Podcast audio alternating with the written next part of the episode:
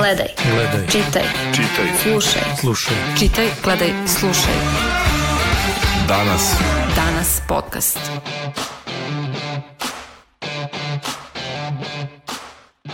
Slušate novu epizodu podcasta Danasa o temi koja je uh, ove nedelje bila dominantna na prvim stranama našeg lista, a tiče se uh, previranja unutar vladajuće stranke, odnosno uh, glasanja opštinskih odbora o razrešenju, da tako kažem, ministra Nebojša Stefanovića sa svih državnih i partijskih funkcija, pa i Zlatibora Lončara i drugih previranja unutar stranke. O tome ću pričati sa Milošem Obradovićem, novinarom ekonomske rubrike u Danasu i Aleksandrom Roknićem, urednikom društva u Danasu. Moje ime je Selena Kosorić. I pre nego što počnemo, samo bih htjela da čestitam rođendan mom kolegi Milošu, Hvala. kog sam bez imalo griže savesti do ovde u redakciju da, da priča o ovoj temi. Hvala što si došao tebi posebno. Hvala na pozivu. E, hajde ovako, znači ovo je bila zaista, zaista dominantna tema, ono listajući, listajući danas. Da li, je, da li su previranje unutar e, vladajuće stranke toliko važna tema za nas i zašto? Pa, prvenstveno, e, dobar dan. Ovaj, hvala što ste nas pozvali. E, pa, priča oko previranja unutar, unutar e, Srpske napredne stranke jesu važna za javnost. To nema, nema spora oko toga, zato što će se to odraziti svakako i na e, odnose unutar e, vladajuće koalicije i odnose unutar same vlade. E, to se naprosto reflektuje na ceo društveno-politički život. Tu uopšte nema, nema spora oko toga. A, suština tog spora oko, oko Stefanovića i ovog masovnog izglasavanja nepoverenja njemu u sklopu Srpske napredne stranke zapravo je po meni jedan fingirani sukob koji je a, nastao na relaciji a, Vučić-Stefanović u vreme dok je, dok je Stefanović obavljao posao ministra unutrašnjih poslova, odnosno ministra policije. Zašto? Prosto, a, policija je, pratići kriminalce, došla zapravo do predsednika, što je potpuno bizarna situacija. A, Stefanović je obavestio očito predsednika o tome da se a, nalazi na merama na neki način i očito da je to urađeno prilično kasno. A, sve ovo dalje što se dešavalo u suštini je posledica a, jednim delom, znači tog sukoba, a drugim delom ulazka, odnosno upliva Šapićeve stranke, ne znam kako se zove, SPAS, ove, u, u vladajuću koaliciju, odnosno utapanje njegovog i očito političke kombinatorike Vučićeve da se napravi slobodno mesto, da se dovede jedan nekompromitovani lik koji je očito popularan u Beogradu, pritom je i sportista, i to višestruko nagrađivan sportista, vaterpolista, ove, da se dovede na mesto Stefanovićevo koji vodi uh, gradski odbor SNS-a i da na taj način zapravo da se uh, Đilas skloni, odnosno da se u potpunosti porazi, ne, ne, da se u potpunosti porazi opozicija, jer Stefanović je kompromitovan u suštini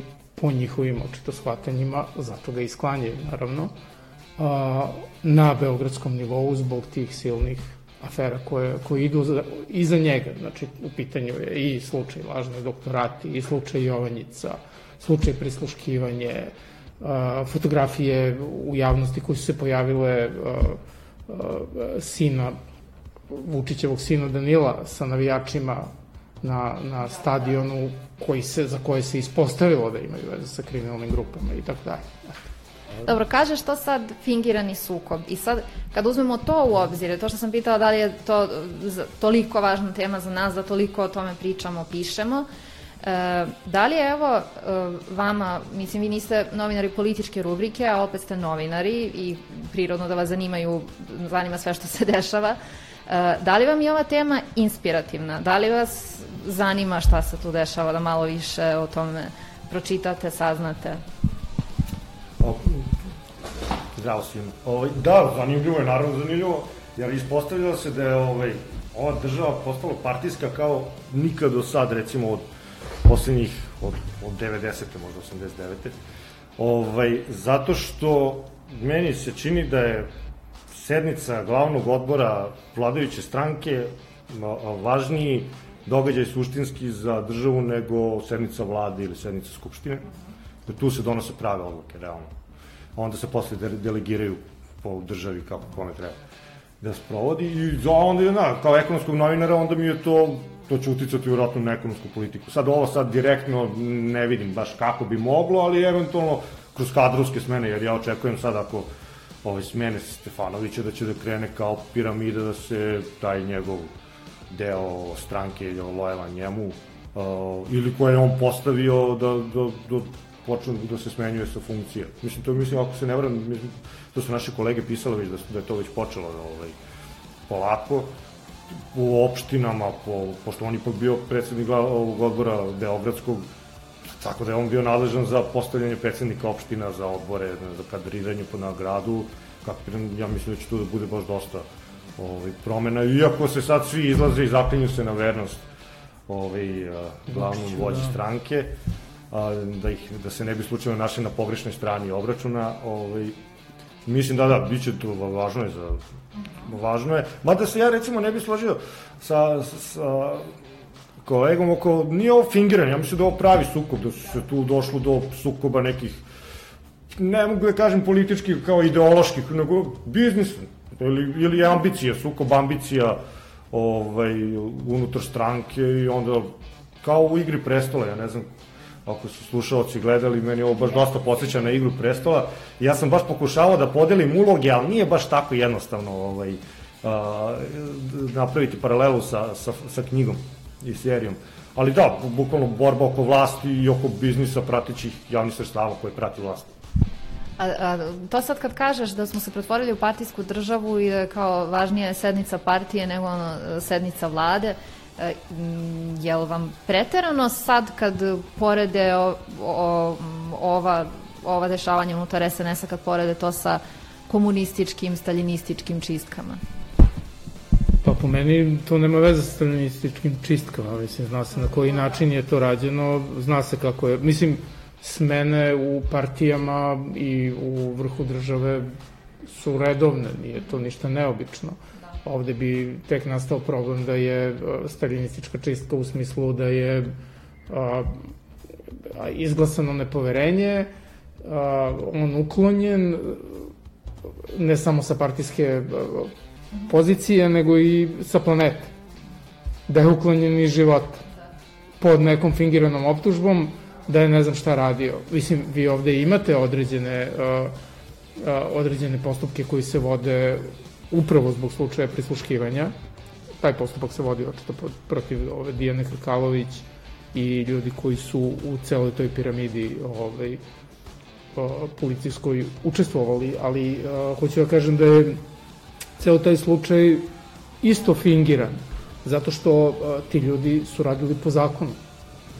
Ja ne verujem da se neko baš toliko ovaj, osjeća moćnim i da, da zloupotrebljava državni aparat, da zloupotrebljava uh, državne institucije, kao što su recimo upravo kriminalističke policije, da bi prisluškivali predsednika. Da se bilo šta radilo nezakonito. Ovde je stvar u tome da je rađeno sve po zakonu, da je, koliko čujemo naravno iz izjava koje su davali državni zvaničnici, pre svega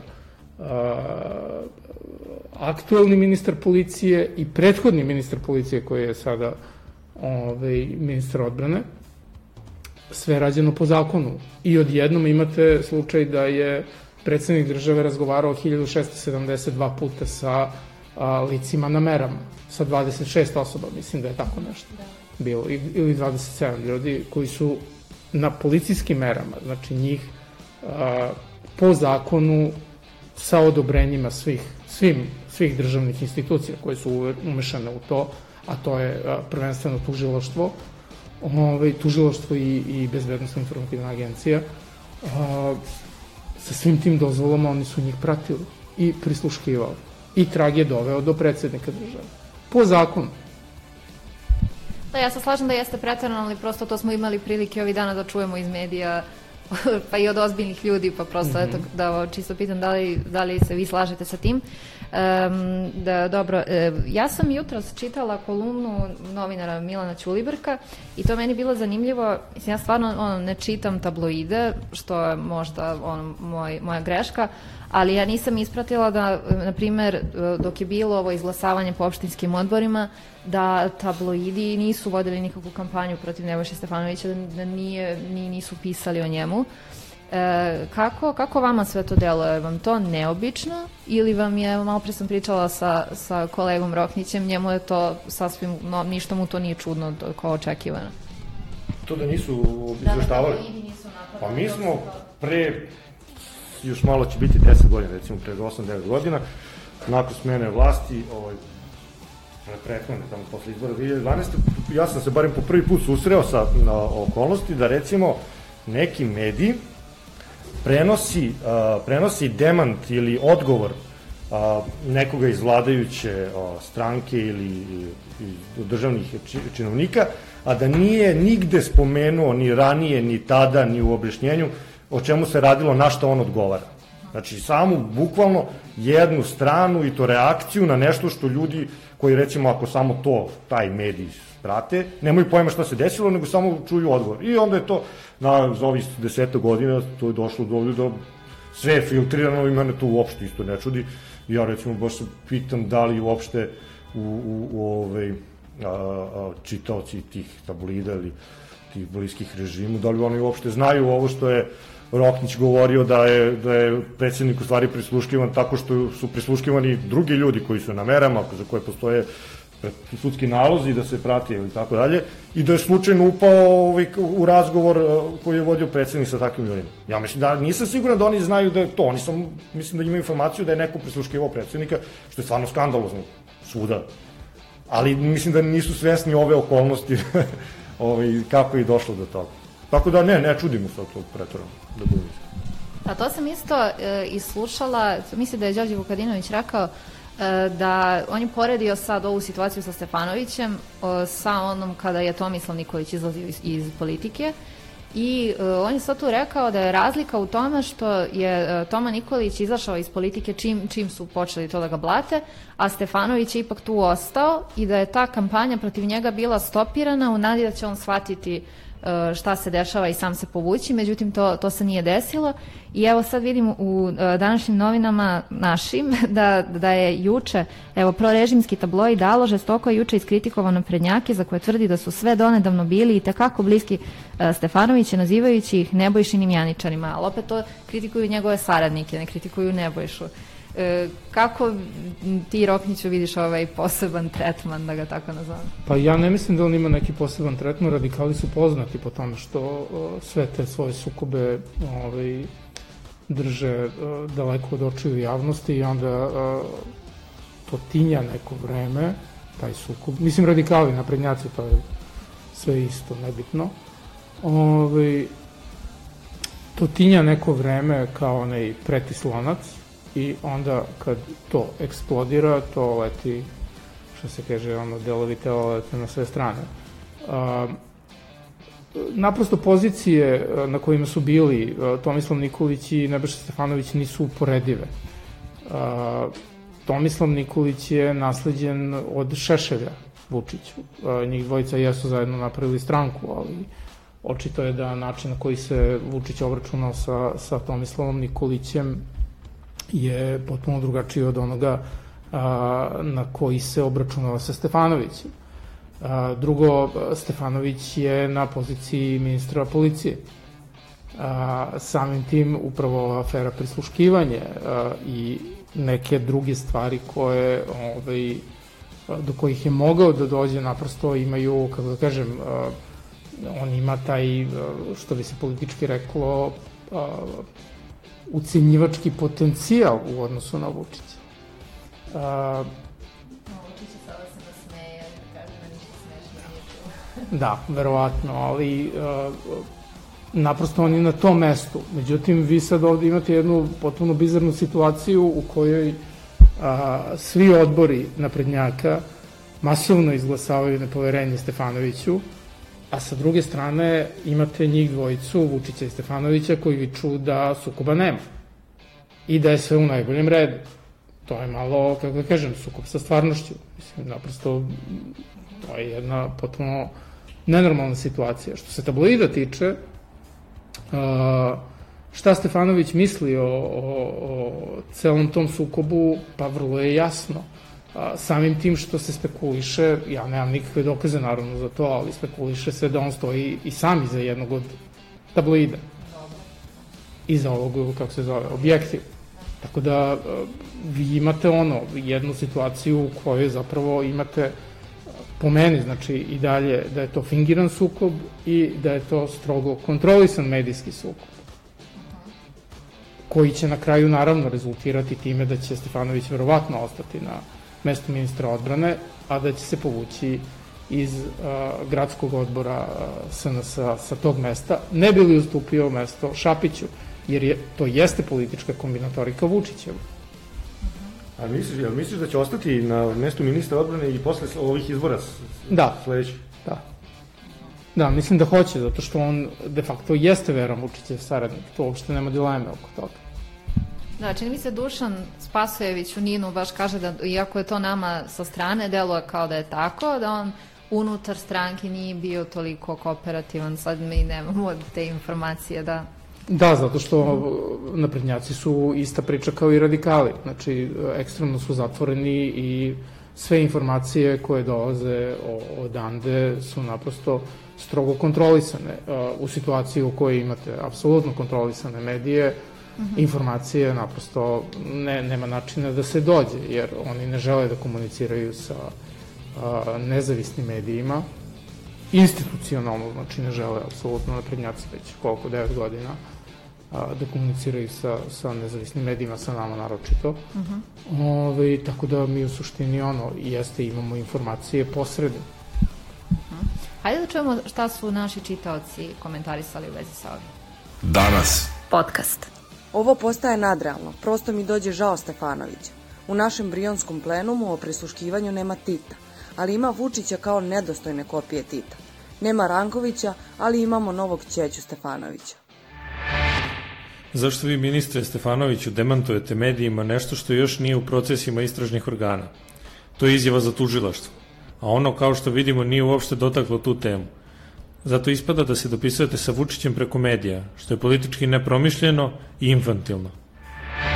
Lokalni odbori bi trebalo da povedu borbu protiv lokalnih kabadahija, Jutki, Simonovića, a ne da se na mig velikog vođa obruše na Stefanovića, bez ikakvih analize i poređenja sa lokalnim moćnicima. Ovako više liče na lovačke pse koje lovac navodi na trag divljači. Isto kao 48. Stalin ništa, samo drug Tito. U suprotnom goli otok a ti po Bujanovcima i slično i ne znaju zašto su protiv doktora Nebojša. Slušaj. Danas podcast. Dobro, čuli smo kako su ovo komentarisali naši slušalci. E, meni je bilo zanimljivo e, takođe e, što sam videla za Lončara, da, da je i on sad negde u poziciji sličnoj Stefanovićevoj. E, mene to iznenadilo s obzirom na to da se za Zlatibora Lončara priča da je pojedinačno jedan od najmoćnijih ljudi unutar vlasti. I kako, da li je vas ovo iznenadilo i kako gledate na to? Pa, mislim, jeste, zato što nisam ja baš upoznat nešto sa tim odnosima unutar stranke, kao nisam ja politički novinar i nešto ne pratim, to je što kaže Aleksandar, ovo prilično su oni to zatvoreno sve, ali meni taj dokaz, bar prema onom što, je, što su naše kolege pisale, da je to u stvari neka poruka a, a, direktora Bije a, Gašića, Lončaru, ja bih rekao da je on iskoristio ovu, ovu, ovaj, a, ovu gužvu da pošalje tu i da opet ima neki lični odnos. Ja stvarno mislim da su ti lični odnosi između ljudi u stvari generator a, većine a, poteza i kretanja unutar stranke, unutar društva, države, bilo šta.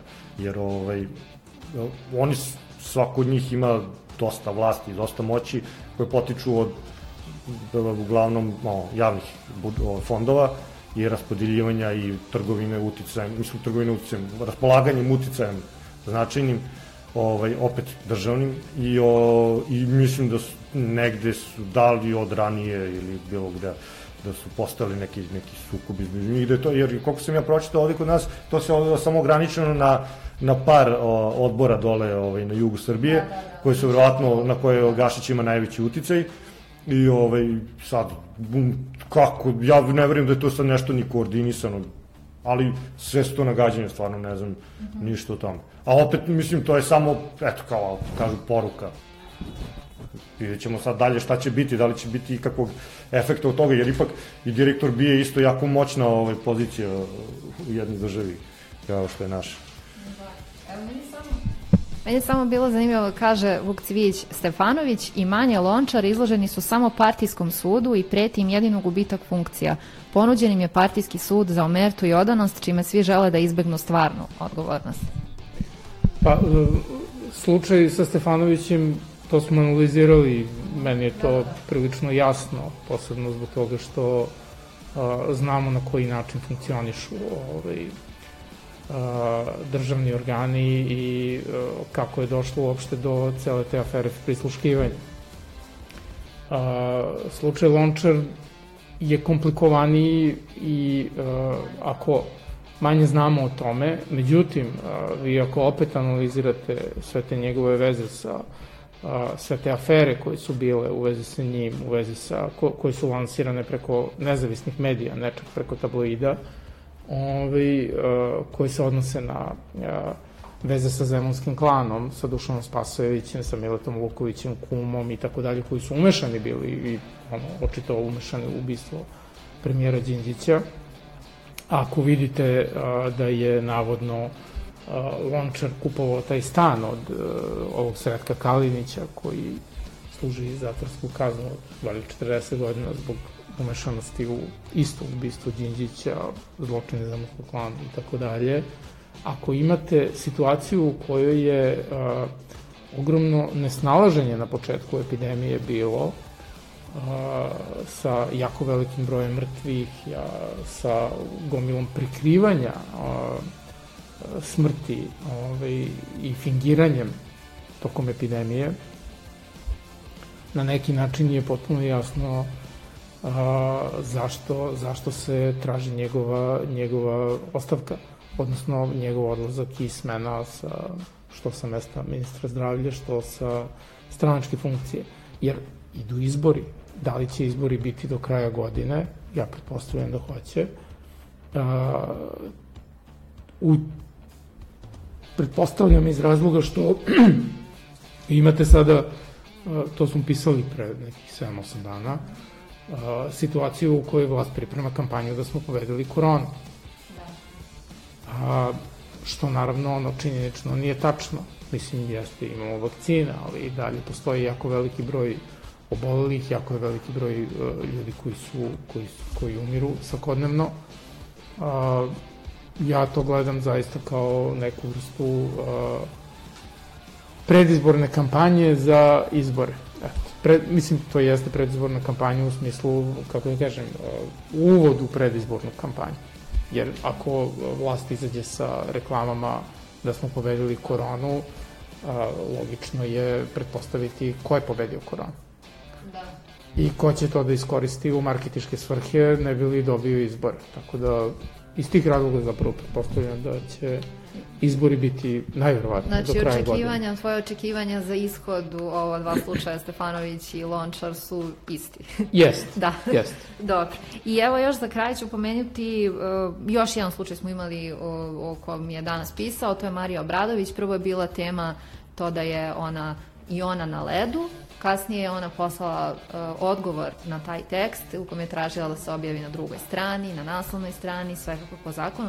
E, sad on, pozivam čitaoca da pročitaju taj njen odgovor. Kako je, kako je vama izgledao ton tog odgovora? Pa, meni je tu, tu da pročitao sam taj odgovor, nemam tu ništa osim ono, kao ovih nekih a, uboda prema danasu. A, jedino tu vrednu pomena je njena ono, zakletva na odanost Vučiću, sad zašto, ja pretpostavljam da to nije bez razloga ovaj, ta, ta priča, da kažem, krenula, da je ona vratno bila blizak saradnik Stefanovića i sad u tom prestrojavanju unutar stranke, ko je sa kim, na čijoj strani, kao što ste rekao, svi bi želeli da budu na pobedničkoj, verovatno su odlučili koja je to pobednička i onda, da kažem, javno se deklarišu ko je, ko je gde. Tako da, isto kao slično kao i ovi odbori, ovi općinski, što su ono, ljudi jednoglasno. Zanimljivo što to sve jednoglasno. Ja ne znam da sam vidio, vidio sam jed, vez da je u jednom odboru nekom, neko bio, jedan bio uzdržan i ono svi su jednoglasni u, u svim tim odlukama. To je prosto nevjerovatno.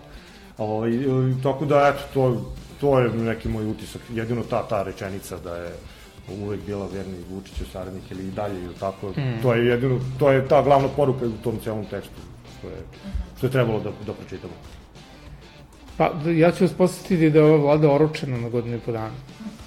I da a, naprosto oni su polaganjem zakletve zapravo bili spremni na to da će ono kao tegla i vara imaju šest meseci rok trajanja, posle tog roka vidjet ćemo šta ćemo, da li će na džubre ili će na neku drugu poziciju da ide.